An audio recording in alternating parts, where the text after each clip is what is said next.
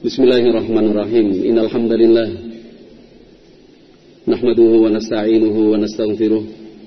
Wa na'udzu billahi min shururi anfusina. Wa min sayyiati a'malina man yahdihillah fala mudilla wa man yudlil fala hadiyalah. Ashhadu an la ilaha illallah wahdahu la sharika wa ashhadu anna Muhammadan 'abduhu wa rasuluhu la nabiyya ba'dahu يقول الله عز وجل في القرآن الكريم يا أيها الذين آمنوا اتقوا الله حق تقاته ولا تموتن إلا وأنتم مسلمون. فإن أصدق الحديث كتاب الله وخير الهدى هدى نبينا محمد صلى الله عليه وسلم. وشر الأمور محدثاتها فإن كل محدثة بدعة وكل بدعة ضلالة وكل ضلالة في النار معاشر المسلمين إخواتي في الله رحمكم الله terkhusus para pemuda pejuang ilmu yang insya Allah memiliki tekad kuat, cita-cita mulia, mewakafkan dirinya fi sabilillah di jalan Allah Subhanahu wa taala. Karena tidak ada derajat yang lebih tinggi, tidak ada kedudukan yang melebihi talibul ilmi.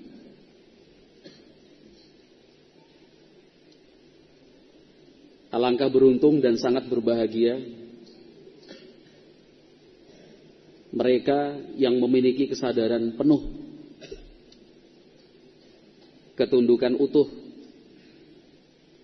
bahwa jalan hidup yang terbaik adalah jalan ilmu. Amaluhu qalil wa ajruhu kathir. Yang dia kerjakan itu sedikit. Namun pahalanya mengalir.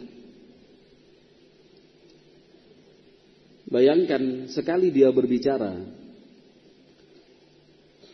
menyampaikan kebaikan mengajarkan kemakrufan lantas diikuti bisa dibayangkan berapa banyak pahala yang bisa diraih dan diraupnya. Hanya sekedar menunjukkan. Hanya sebatas memberitahukan. Man dalla 'alal khair fahuwa kafa'ilihi Siapa yang mau mengajarkan dan menunjukkan kebaikan, dia akan mendapatkan pahala seperti pahala orang yang melakukannya. Dia tidak mengerjakan, dia tidak melakukan. Tetapi kebaikan yang dia sampaikan diikuti dan dilakukan orang.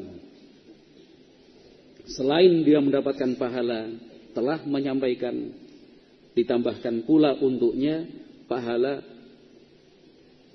dengan nilai yang sama dengan pahala orang yang melakukannya. Apalagi dia sendiri melakukannya. Maka berlipat-lipatlah pahala yang Allah Subhanahu wa taala berikan untuknya.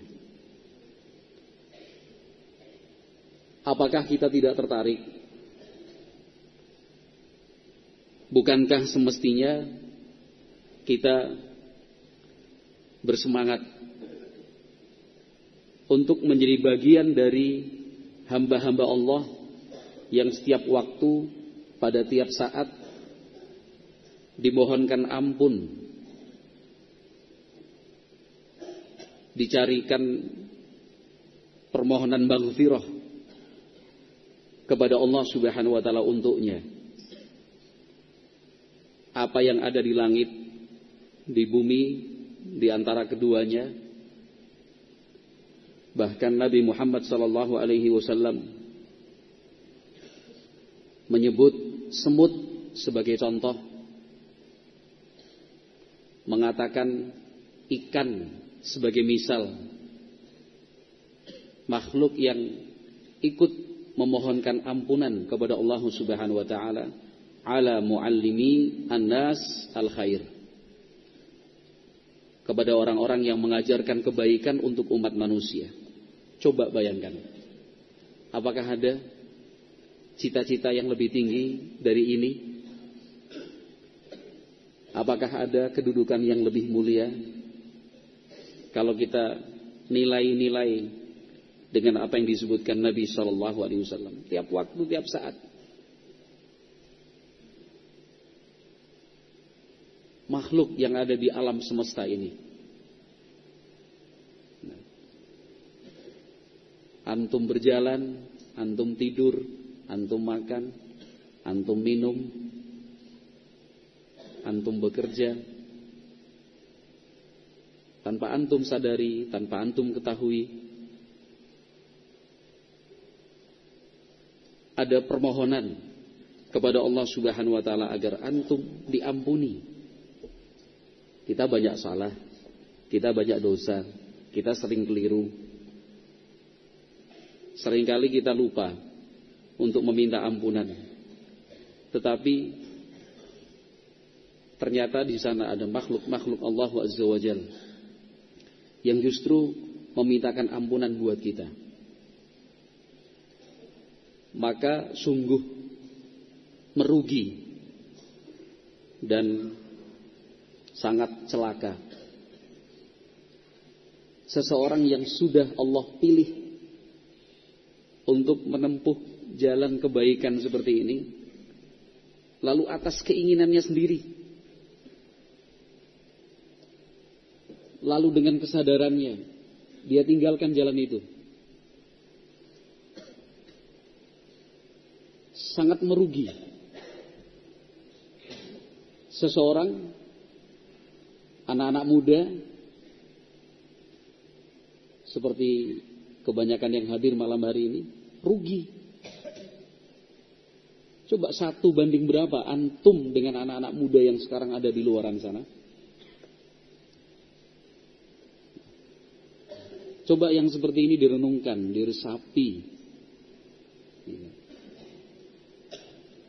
Ada waktu saat kita sendiri coba pikirkan. Bukan melamun yang bukan-bukan, bukan berangan-angan yang tidak-tidak. Tapi coba pikirkan ya, satu banding berapa sih jumlah anak muda sekarang di Indonesia? Populis, populasinya kan sangat banyak sekali anak muda. Katakan usia 12 sampai 20 tahun. Berapa banyak? Berapa puluh juta? Kalau orang bilangnya kaum milenial.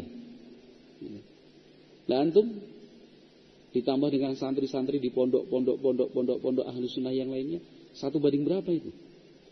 Satu bisa banding ribuan. Bukan satu banding sepuluh, bukan satu banding seratus, tapi satu banding ribuan. Bahkan bisa belasan ribu. Ini kan karunia dari Allah nikmat yang tidak bisa dinilai dengan rupiah. Karunia seperti ini tidak diperjualbelikan. Bukan seperti barang objek jual beli offline maupun online yang bisa dipesan kapan saja, yang boleh ditolak dan dipulangkan kapan pun waktunya. Ini bukan barang jual beli. Hidayah untuk tolabul ilmi. Semata-mata anugerah dari Allah Azza wa Jalla.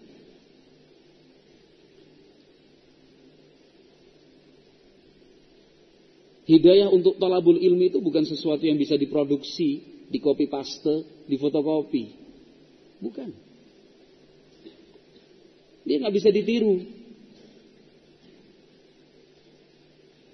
Gak bisa dibuat-buat dan dibikin-bikin. Coba sekian banyak orang sudah dibujuk, dirayu, diajak. Dikasih janji ini, janji itu. Tapi hatinya tidak terbuka.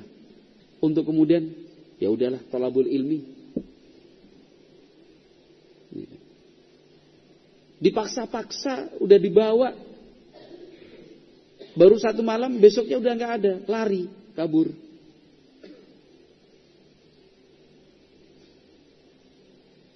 Nggak bisa dibuat-buat yang seperti ini. Nikmat untuk bisa bertolabur ilmi. Iya. Kita pikir seperti terpenjara. Kita bayangkan hidup kita dibelenggu dan dirantai. Kita pikir kehidupan tolabul ilmi itu sesuatu yang menyakitkan, menyedihkan. Padahal tiap saat pagi, siang, sore, petang kita ada di taman-taman surga.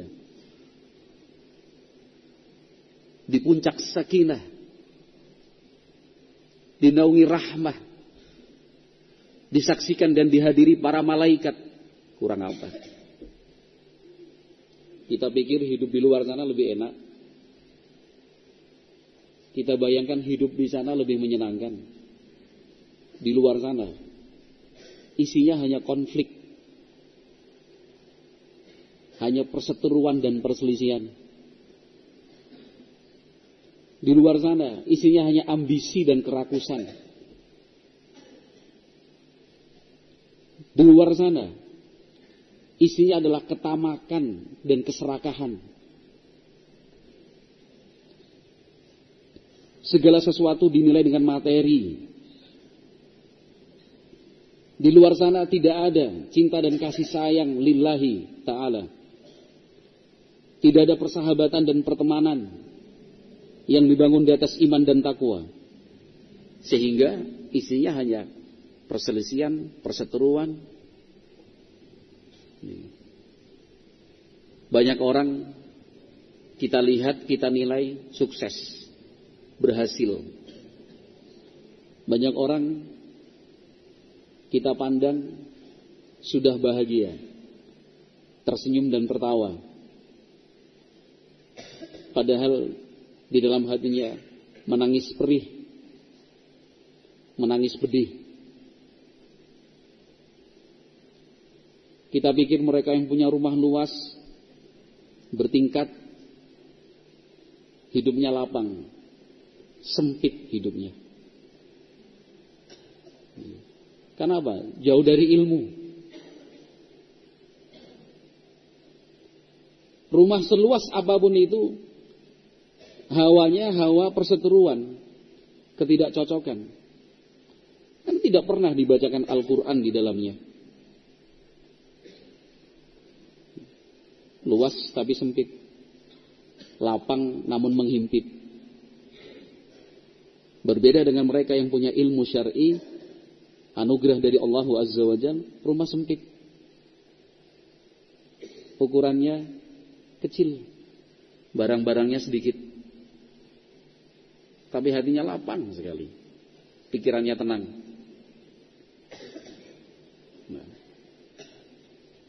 Ikhwati filah rahimani wa rahimakumullah. Ma'asyiral muslimin, terkhusus para pemuda pejuang ilmu. Alhamdulillah, nikmat ini harus disyukuri.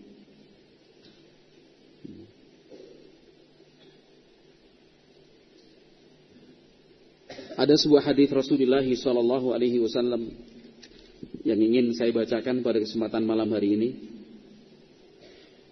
Min babil murajaah. Ya hanya sebatas murajaah saja. Karena saya yakin banyak dari kita sudah pernah mendengar hadis ini? Sebuah hadis yang diriwayatkan oleh Imam Abu Dawud rahimahullah disahihkan oleh Syekh Al-Albani di dalam As-Sahihah menurut catatan kaki seperti itu 1100 9 dari kitab Riyadhus Salihin disertai syarah atau keterangan dan penjabaran dari Asy-Syaikh Al-Utsaimin rahimahullah. Kita baca qala rahimahullah wa an Abi Jurai Jabir bin Sulaim radhiyallahu anhu. Dari sahabat yang mulia Abu Jurai namanya Jabir bin Sulaim Kalau kita membaca beberapa referensi tarajim sahabah, terjemah beliau itu termasuk singkat. Artinya satu halaman pun tidak ada. Dalam usudul ghabah, al-isabah, singkat sekali. Namun biografi yang singkat itu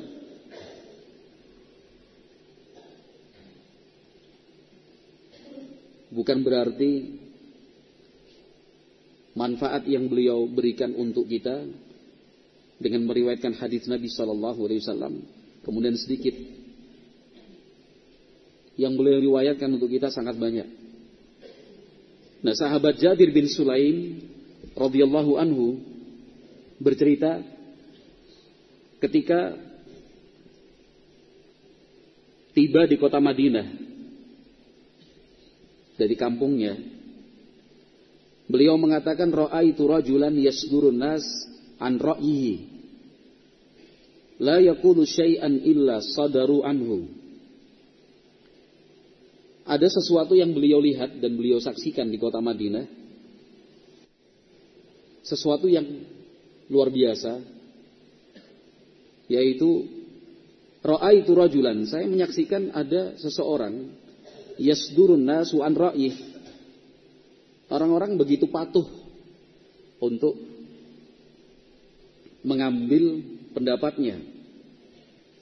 La yakulu syai'an illa sadaru anhu. Apa pun yang orang itu katakan, dilaksanakan.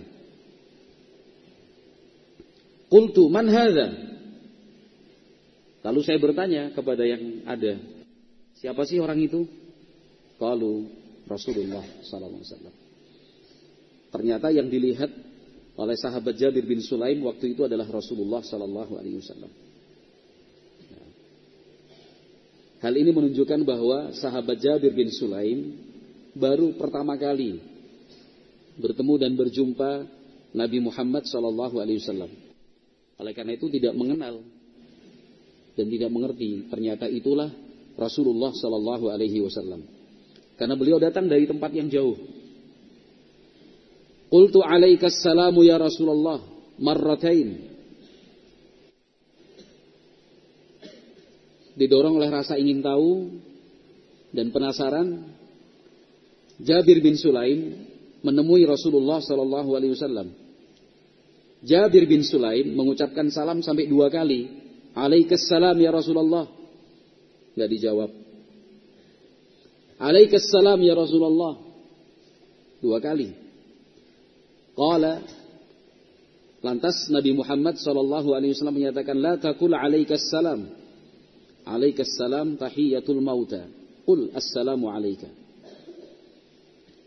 Ternyata Nabi Muhammad sallallahu alaihi wasallam menjelaskan kalau engkau ingin mengucapkan salam jangan mengatakan alaikas salam. Karena susunan alaikas salam itu tahiyatul mauta. Doa untuk orang-orang yang sudah meninggal dunia. Tetapi kul ucapkan assalamu alaika. Jadi susunan mubtada khobarnya lah. Ya. Tidak dibalik tapi sesuai dengan susunan mubtada khabar assalamu alaika. Asy-Syaikh Al-Utsaimin rahimahullah beliau menjelaskan yakni annahum kanu fil jahiliyati yusallimuna 'alal amwati hakadha.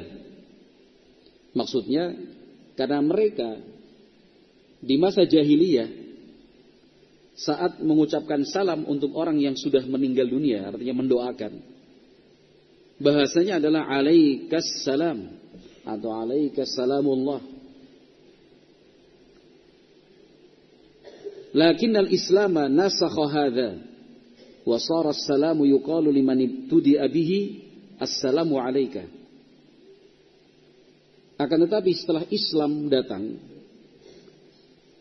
cara menyebut salam untuk orang yang pertama kali dan yang menyampaikannya itu sudah dihapus.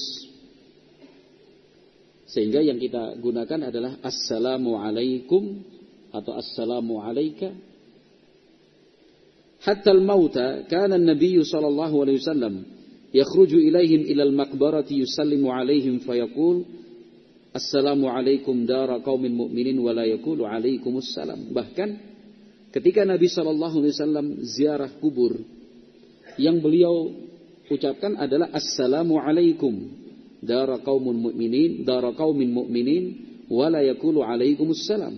Beliau tidak mengatakan alaikumus salam.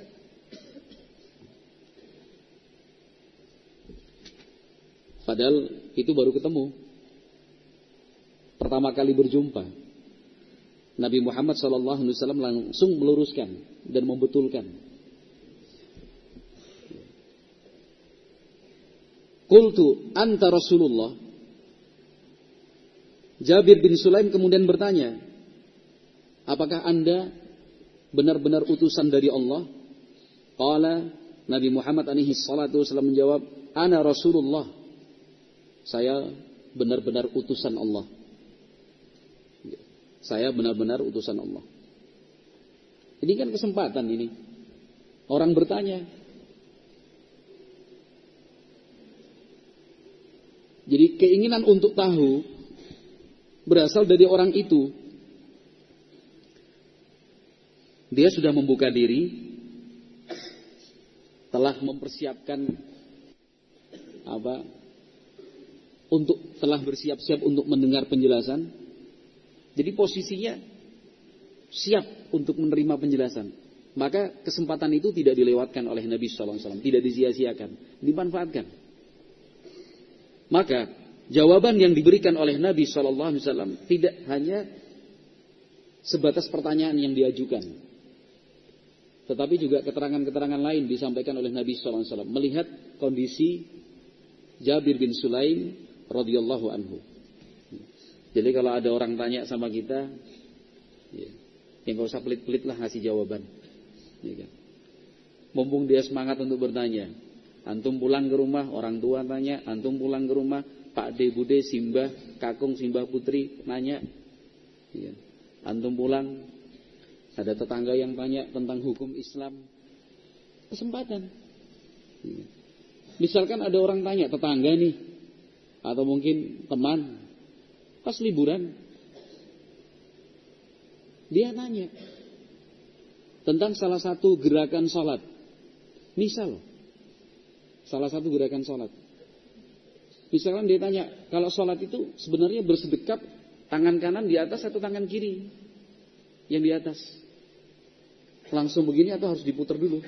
Hmm. Kan sebagian orang begitu. Alasannya mendahulukan tangan kanan. Jadi Allah Akbar kanan dulu gini, baru set putar sedikit. Loh kenyataannya begitu kok. Dia nanya, ini sebenarnya yang benar yang mana nih? Dia kan bertanya. Dia memerlukan jawaban. Orang itu sudah siap untuk menerima penjelasan dari kita. Jangan pelit. Kesempatan masuk-masuk. Ini peluang dakwah, manfaatkan. Jadi bukan hanya menjawab, oh yang benar gini mas. Udah tangan kanan di atas. Jawabannya terlalu singkat itu. Kecuali kalau dari kita yang memulai berinisiatif menjelaskan, mungkinlah kita sesingkat mungkin. Jangan sampai dia tersinggung, mungkin dia punya apa namanya kesibukan. Tapi dia posisinya nanya. Ini kesempatan buat kita untuk menanamkan dan mengajarkan prinsip dalam melaksanakan sholat itu seperti apa. Sampaikan poin yang pertama. Jadi begini mas ya, masalah sholat itu kan ibadah. Kan itu. Nah, sehingga tata caranya pun sudah ada aturan-aturan yang diajarkan. Dalam sebuah kesempatan, Nabi Muhammad SAW bersabda, "Sallu kama ra'aitumuni usalli." Ya kan? Kepada sejumlah anak muda yang datang ke kota Madinah sekitar 20-an hari, mereka belajar Islam. Ya, kemudian satu dari mereka bernama Malik Ibn Huwairith yang ditunjuk sebagai amir perjalanan ketika pulang. Ya. Jadi Nabi Muhammad pernah berpesan sallu kama ra'aitumuni. Jadi laksanakanlah salat seperti kalian melihat saya sholat. Jadi sholat kita, tata caranya, apa yang dibaca, bentuk-bentuk gerakannya, panjang pendeknya. Mari kita mencontoh Nabi Muhammad SAW karena beliau yang memerintahkan kita untuk sholat, beliau yang mengajak kita untuk sholat, beliau menjelaskan keutamaan dan pahala orang yang melaksanakan sholat. Maka kepada beliau juga lah kita mencontoh seperti apa sholat itu dikerjakan. Ini kan masuk nih. Sesuatu yang sangat prinsip sekali ketika kita membahas sholat. Sallu kama usalli. Masuk. Nah, dari situ silahkan kalau langsung jawaban. Nah, yang kita baca di dalam hadis-hadis Nabi yang sahih, ya, karena tidak semua hadis diriwayatkan dari Nabi itu ternyata betul-betul sahih. Ternyata ada yang dipalsukan. Jadi kita harus selektif. Masuk lagi poin yang kedua ya kan. Jadi yang benar ya ketika bersedekap saat sholat, ya tangan kanan di atas, jangan kiri gini. Itu contoh kecil lah. Kesempatan, bisa dipahami? Jadi jangan sia-siakan peluang untuk dapat pahala itu. Jangan buang peluang. Nah Rasulullah Shallallahu Alaihi Wasallam ketika ditanya anta Rasulullah, apakah anda betul-betul utusan dari Allah? Nabi Muhammad bukan cuma mengatakan iya saya utusan Allah, titik enggak. Nabi Muhammad alaihi salatu wasallam saat itu mengerti dan faham. Orang ini baru datang, orang ini baru ketemu. Orang ini perlu penjelasan yang utuh ini. Kesempatan mumpung orang yang ditanya. Siapa? Sahabat Jabir bin Sulaim. Kata Nabi Sallallahu Alaihi Wasallam di situ beliau mengajarkan tauhid. Kata Nabi Shallallahu Alaihi Wasallam, "Alladhi idza asabaka dhurrun fada'autahu kashafahu anka, wa idza asabaka 'amu sanatin fada'autahu anbataha laka, wa idza kunta bi ardi qafrin أو falatin fadallat rahilatuka fada'autahu raddaha alaika. Tiga. Penegasan. Disampaikan oleh Nabi Muhammad sallallahu alaihi wasallam. Ya. Tiga penegasan disampaikan oleh Nabi Muhammad alaihi salatu wasallam. Saya adalah utusan Allah. Allah adalah zat yang ketika engkau mengalami kesulitan, engkau berdoa meminta kepadanya, Allah akan mengangkat dan menghilangkan kesulitan itu darimu. Saya adalah utusan Allah.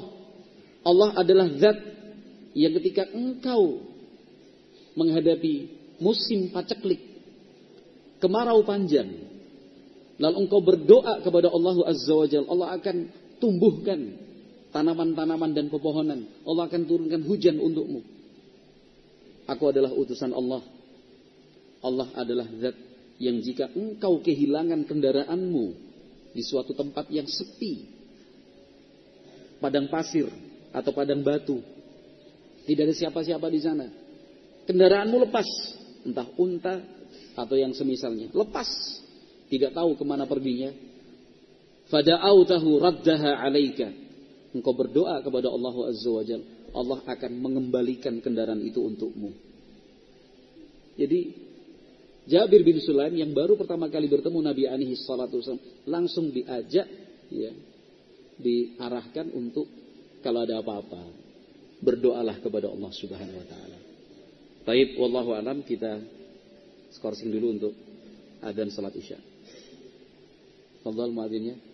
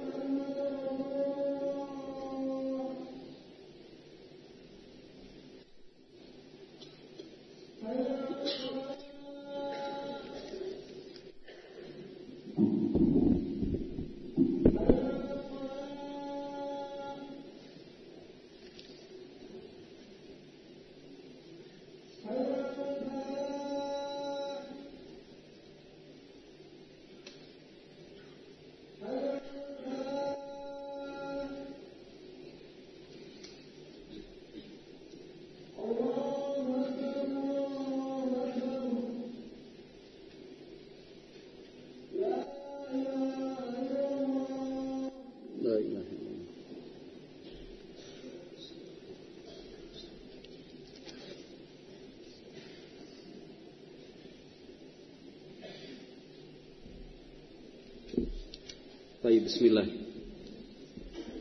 Kita melanjutkan hadis Jabir bin Sulaim Abu Jurai radhiyallahu anhu yang diriwayatkan oleh Imam Abu Dawud rahimahullah disahihkan oleh Syekh Al-Albani rahimahullah. Kemudian Nabi Muhammad sallallahu alaihi wasallam menjelaskan kepada Jabir bin Sulaim tentang hakikat ibadah menghambakan diri kepada Allah Azza wa Jalla yaitu Allah adalah tempat kita bergantung. Allah adalah harapan kita satu-satunya. Kepada Allah lah kita meminta. Itu tauhidullah ya azza wa jalla wa idza sa'alta fas'alillah wa idza ista'anta fasta'in billah. Kalau meminta mintalah kepada Allah jika membutuhkan pertolongan berharaplah pertolongan itu dari Allah Subhanahu wa taala apa yang disebutkan oleh Nabi Shallallahu alaihi wasallam itu sangat sesuai dengan latar belakang sahabat Jabir bin Sulaim. Ya. Dan itu salah satu fikih ketika kita berdakwah tentang materi apa yang disampaikan. Sahabat Jabir bin Sulaim itu kan berasal dari tempat yang jauh. Di zaman itu sering terjadi orang yang musafir melakukan perjalanan jauh perjalanan jauh, kemudian kehilangan kendaraannya. Terlepas, lari, dia tinggal tidur, bangun sudah nggak ada lagi. Maka hal ini diangkat oleh Nabi Shallallahu Alaihi Wasallam sebagai contoh. Kapan berdoa? Kalau kehilangan kendaraan, dia lepas, lari. Kita kehilangan kendali, kita tidak tahu ke mana kendaraan itu pergi, ya kita berdoa kepada Allah Azza wa Jalla. Raddaha alaika. Allah yang akan mengembalikan untukmu. Di tempat itu, di zaman itu, terutama dari daerah asalnya Jabir bin Sulaim radhiyallahu anhu, yang namanya hujan itu sangat diharapkan. Musim paceklik, masa kemarau, itu kan sesuatu yang berat untuk dirasakan. Bahkan Nabi Shallallahu Alaihi Wasallam menjelaskan kalau terjadi paceklik, kemarau panjang, semuanya ingin turun hujan. Ya. Maka berdoalah kepada Allah Subhanahu Wa Taala. Kalau punya masalah, mengalami kesulitan, tidak usah bingung. Tidak usah pergi ke sana dan kemari. Tidak usah berkeluh kesah kepada makhluk.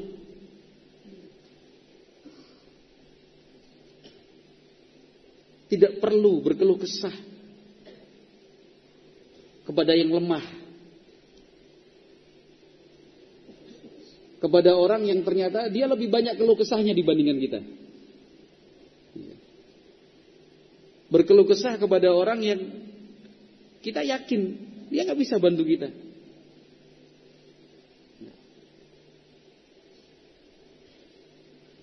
Mintalah kepada Allah Subhanahu wa taala, berdoalah kepadanya. Zat yang maha kaya, zat yang maha pemurah, zat yang maha kuasa, zat yang maha perkasa. Sesuatu yang sangat mudah baginya, bagi Allah Azza wa Jalla. Untuk mengubah untuk mengabulkan dan mewujudkan apa yang kita inginkan. Sangat mudah sekali. Tapi seringnya kita lupa. Seringnya justru kita tinggalkan. Padahal Allah itu zat yang maha dekat. Yang maha mendengar doa, lagi maha mengabulkannya. Malah berceritanya ke media, ke manusia. Bahkan dia coret-coretnya di dinding dan di tembok bangunan orang. Atau di dinding dan tembok media sosial, Facebook misalkan. Apa gunanya seperti itu? Apa ada manfaatnya? Tetapi mintalah kepada Allah Azza wa Jal, berdoa kepadanya. Allah sudah menjanjikan dan janji Allah itu benar. Wa qala rabbukum ud'uni astajib lakum. Dan Rabbmu berfirman memutuskan, ud'uni astajib lakum. Berdoalah kepadaku, niscaya aku kabulkan doamu. Wa idza sa'alaka fa inni qaribun ujibu da'watad da'i idza da'ani. Kalau hamba-hambaku bertanya kepadamu ya Muhammad tentang diriku, sesungguhnya aku sangat dekat. Aku kabulkan doa orang yang mau berdoa.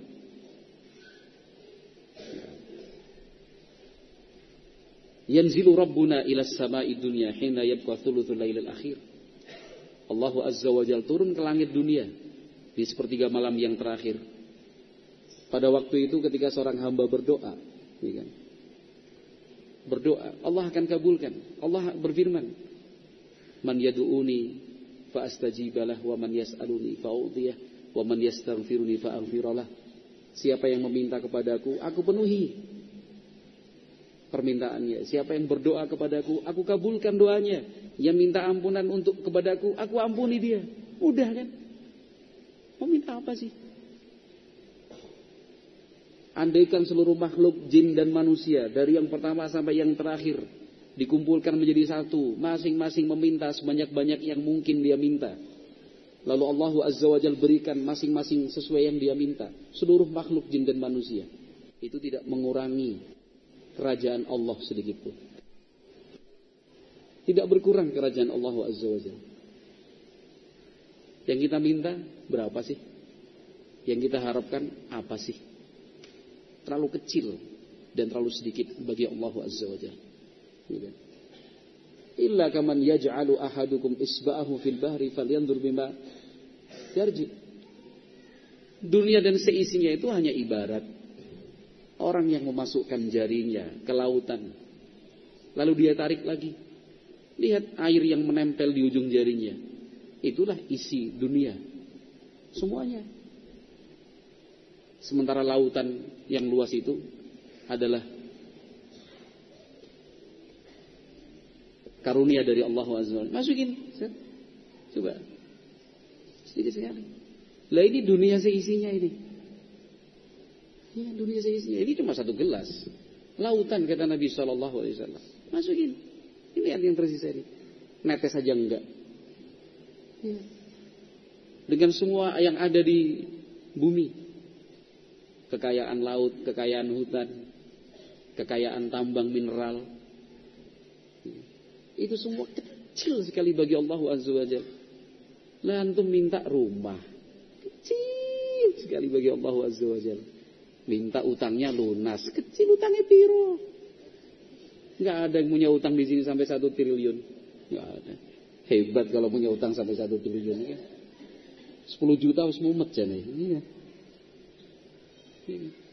Minta apa? Minta pinter. Mau minta selamat. Pengen punya tanah, pengen punya sawah, punya pengen kendaraan, punya pengen istri soleha, pengen punya anak yang soleh dan soleha kecil sekali. Lah seluruh dunia itu cuma segini loh. Terus yang kita minta itu seper, seper, seper, seper berapanya coba. Mudah bagi Allah Azza wa Jal. Bangun sepertiga malam yang terakhir. Jangan bangunnya pas komat. Udah mesti dekat. Udah dibangunin. Bangunnya tetap komat. Iya. Kalau sebulan sekali wajar lah. Tapi kalau hampir tiap hari itu udah nggak wajar itu. Nah, kalau di pondok aja bangunnya pas komat, kalau pas di rumah terus bangunnya pas apa itu? Pas matahari terbit. Iya, di pondok loh. Di pondok itu kan kita berbulan-bulan kita berlatih itu, berlatih. Berlatih untuk apa namanya? memiliki pola hidup. Iya kan? Itu kan berlatih. Harapannya di rumah bisa kita bawa Pola hidup itu kita pertahankan, kita jaga. Jangan pulang ke rumah liburan dijadikan ajang balas dendam. Di pondok doyak oyak misalkan.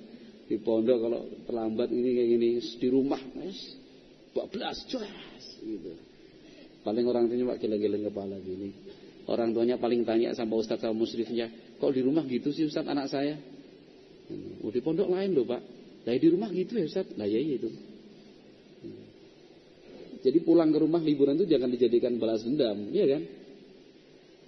Di rumah di pondok nggak boleh pegang HP, di rumah ngegame 24 jam. Uh. Kok ketawa? Ada yang merasa ya? Iya kan? Di pondok di pondok nggak boleh ke sana dan kemari ya kan? Di rumah udah berangkat pagi pulang sore apa malam tengah malam hari bawa motor anak kuning di nggak tahu tulan sana tulan sini ya. ke tempat wisata sana tempat wisata sini nonton bola langsung di stadionnya. Wah udah. Tuh ketawa. Ada yang merasa ya, jadi jangan bukan untuk balas dendam mas. Antum di sini itu bukan disiksa. Antum di sini itu bukan dihukum. Sehingga ketika liburan terus kayak bebas dari penjara gitu. menghirup udara bebas. Ini lebih bebas di sini udaranya lebih sejuk. Di rumah tempat antum banyak asapnya ya. ya.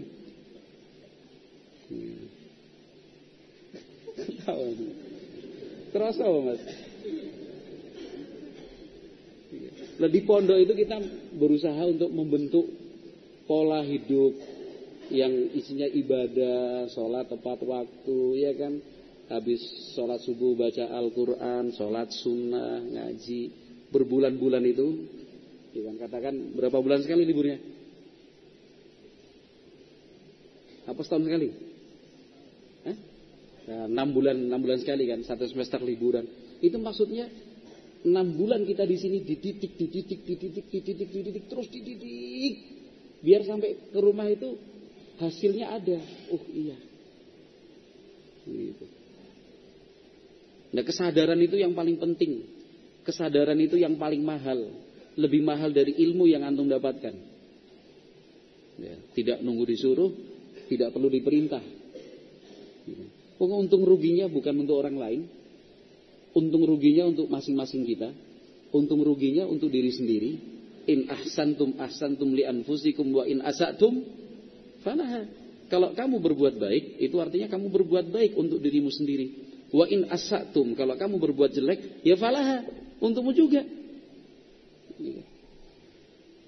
Jadi kalau misalkan ada profil males, ya kan, atau yang semisalnya, ustadznya nggak rugi, yang rugi ya dia sendiri. Oh nanti yang merasakan akibatnya bukan orang lain. Oh banyak sekali pertanyaan ini. Seru berhenti ya, tenang. Baik, kita lanjutkan. Qala qultu ihad ilayya. Kemudian saya mengatakan ya Rasulullah tolong berikan pesan-pesan buat saya. Qala kata Nabi sallallahu alaihi wasallam la tasubbanna ahadan. Pertama, jangan engkau mencela siapa pun. Kata Jabir bin Sulaim, "Fama sababtu ba'dahu hurran wala 'abdan wala ba'iran wala syatan." Sejak mendapatkan pesan itu dari Nabi Muhammad, saya tidak pernah mencela siapa pun dan apa pun. Saya tidak pernah mencela orang, dia budak ataukah merdeka. Bahkan saya tidak pernah mencela unta maupun syaitan, meskipun kambing tidak pernah saya cela. Itu yang pertama. Yang kedua, wala tahqiranna minal ma'rufi syai'an. Jangan sekali-kali engkau menganggap kecil arti sebuah kebaikan. Jangan remehkan kebaikan. Wa an tukallima akhaka wa anta munbasitun ilaihi wajhuk. Inna dzalika minal ma'ruf. Nabi Muhammad memberikan contoh. Kebaikan itu jangan diremehkan. Meskipun ketika engkau bertemu berbicara dengan temanmu, wajahmu munbasitun ilaihi wajhuk. Wajahmu berseri-seri. Ya. Jadi kalau punya masalah, jangan diumumkan, jangan diiklankan. Kalau punya masalah itu jangan di apa namanya ditunjuk-tunjukkan dari asrama ke masjid. Merengut. Ini kan cemberut ruwet. Pengen semua orang tahu kalau antum sedang punya masalah. Sembunyikan masalah itu. Kalau kepada Allah baru buka. Kepada Allah Azza wa baru sampaikan. Tapi kalau kepada makhluk dari asrama, pulang dari masjid, kan, di kamar diem. Hmm. Punya masalah ya ditanggung sendirilah, nggak usah ngajak orang, ngajak orang lain ya kan. Temennya kan ngapain ya? Lagi susah mungkin ya. Tetap Nabi Muhammad mengajarkan kepada kita senyum berseri-seri. Hmm. Susah kok diumum-umumkan. Walaupun tidak ngomong tapi ditunjukkan dengan wajah itu. Dengan raut muka. Kalau sudah seperti ini bukan masalah ganteng dan jelek. Kan itu. Orang yang buruk rupa secara fisik. Itu kalau murah senyum juga apa? Bagus. Tapi seganteng apa pun, ada yang merasa di sini ganteng? Iya. Seganteng apa pun dia, tapi kalau merenggut ya tetap jelek loh mas. Jelek tetap. Itu ajaran Nabi. Itu jangan dianggap kecil kata Nabi Wasallam. Itu yang kedua. Waktunya semakin sedikit. Kemudian yang ketiga, kata Nabi Wasallam, warfa izaraka ila nisfi saqi, fa in abaita fa ilal ka'bain, wa iyyaka wa isbal al izar, fa innaha minal makhilati wa inna Allah la yuhibbul makhilah. Kata Nabi alaihi salatu wasallam, angkat sarungmu sampai setengah betis. Kalau engkau tidak mampu, ya jangan sampai menutupi kedua mata kaki. Hati-hati, jangan mengisbalkan sarungmu. Mengisbalkan sarung minal makhilah, termasuk kesombongan. Sesungguhnya Allah tidak menyukai kesombongan. Lihat, baru pertama kali ketemu yang dipesankan Nabi SAW tentang is.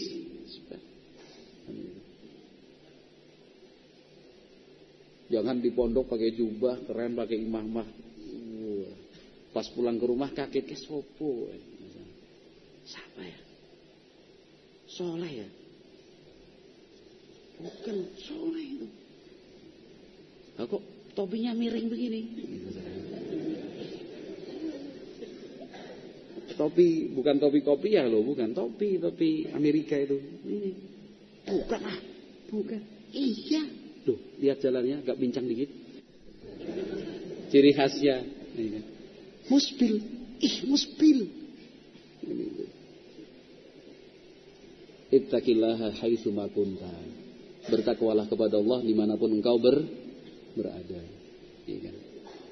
Gitu. Jadi ibadah itu bukan karena pengurus, ibadah itu bukan karena ustadz, ibadah itu bukan karena ada teman, ibadah itu bukan karena ada pengawas atau pengawasan. Ibadah itu karena Allah subhanahu wa ta'ala. Di mana pun. Nggak usah malu lah. Pulang ke rumah malu pakai jubah, malu pakai sarung sama baju koko. Ya kan? Jangan malu menunjukkan keislaman. Jangan malu dan sungkan untuk menunjukkan kesalafiahan. Ya. Kalau kita yang apa Allah pilih menjadi pejuang ilmu, merasa malu untuk mengamalkan ilmu, yang tidak berilmu terus bagaimana itu? Lanjut waktunya semakin sedikit. Kata Nabi SAW kemudian wa ini mru'un syatamaka wa ayyaraka bima ya'lamu fika fala tu'ayyirhu bima ta'lamu fihi fa innama wabalu dzalika alaihi. Sampai di situ hadisnya. Pesan Nabi yang keberapa ini? Yang keempat. Yang pertama kan jangan mencela. Yang kedua jangan meremehkan kebaikan meskipun kecil. Yang ketiga masalah isbal tadi, larangan. Kemudian yang keempat kata Nabi sallallahu alaihi wasallam, kalau ada orang mencaci makimu menghina dan merendahkanmu karena dia tahu ada kekuranganmu, maka jangan balas engkau caci maki dia, jangan engkau balas remehkan dan hinakan dia walaupun engkau tahu kekurangannya. Fa inna ma wabalu dzalika alaih karena akhirnya kerugian itu dia sendiri yang menanggung, bukan kamu. Ya. Jadi bukan balas membalas. Kata Syekh Al-Utsaimin rahimahullahu taala wa hadha syai'un mujarrab ini fakta. Inilah realita. Anal insana idza sabba ahadan qad sabbah qala sibabu bainahuma. Kalau seseorang itu membalas penghinaan dan celaan orang lain, maka qala sibab itu akan panjang, berbuntut panjang, berkelanjutan. Wa hasara tafarrukun wa. Akan muncul saling benci, saling tidak suka, Wa idza sakata fa innahu qad yakunu anfa. Tapi kalau dia diam nggak usah nanggepin, itu lebih bermanfaat. Ya. Allah Azza wa Jalla berfirman tentang ibadur Rahman, wa idza khatabahumul jahiluna qalu salama. Kalau orang-orang jahil mengajaknya berbicara dengan kata-kata yang tidak baik, dengan celah, qalu salama. Ya. Yang dia ucapkan justru salama. Kata-kata yang baik, doa, doa keselamatan. Wallahu alam bisawab, kata Imam An-Nawawi rahimahullah, rawahu Abu Dawud wa Tirmidzi bi isnadin sahih wa qala Tirmidzi hadithun hasanun sahih. Baik. Jadi maksud dari membacakan hadis ini agar kita banyak-banyak bersyukur kepada Allah Subhanahu wa taala karena tiap waktu, tiap saat yang kita pelajari, yang kita baca adalah kebaikan. Hadis-hadis Nabi Muhammad SAW dan tentunya juga ayat-ayat Al-Quran. Ini karena saking banyak yang pertanyaan, nggak usah kita baca semua. Nanti dari eh, Mary repot nanti ya. Wallahu a'lam bishawab. Kita cukupkan sekian. Subhanakallahumma wa bihamdika asyhadu an la ilaha illa anta astaghfiruka wa atubu. Walhamdulillahirabbil alamin.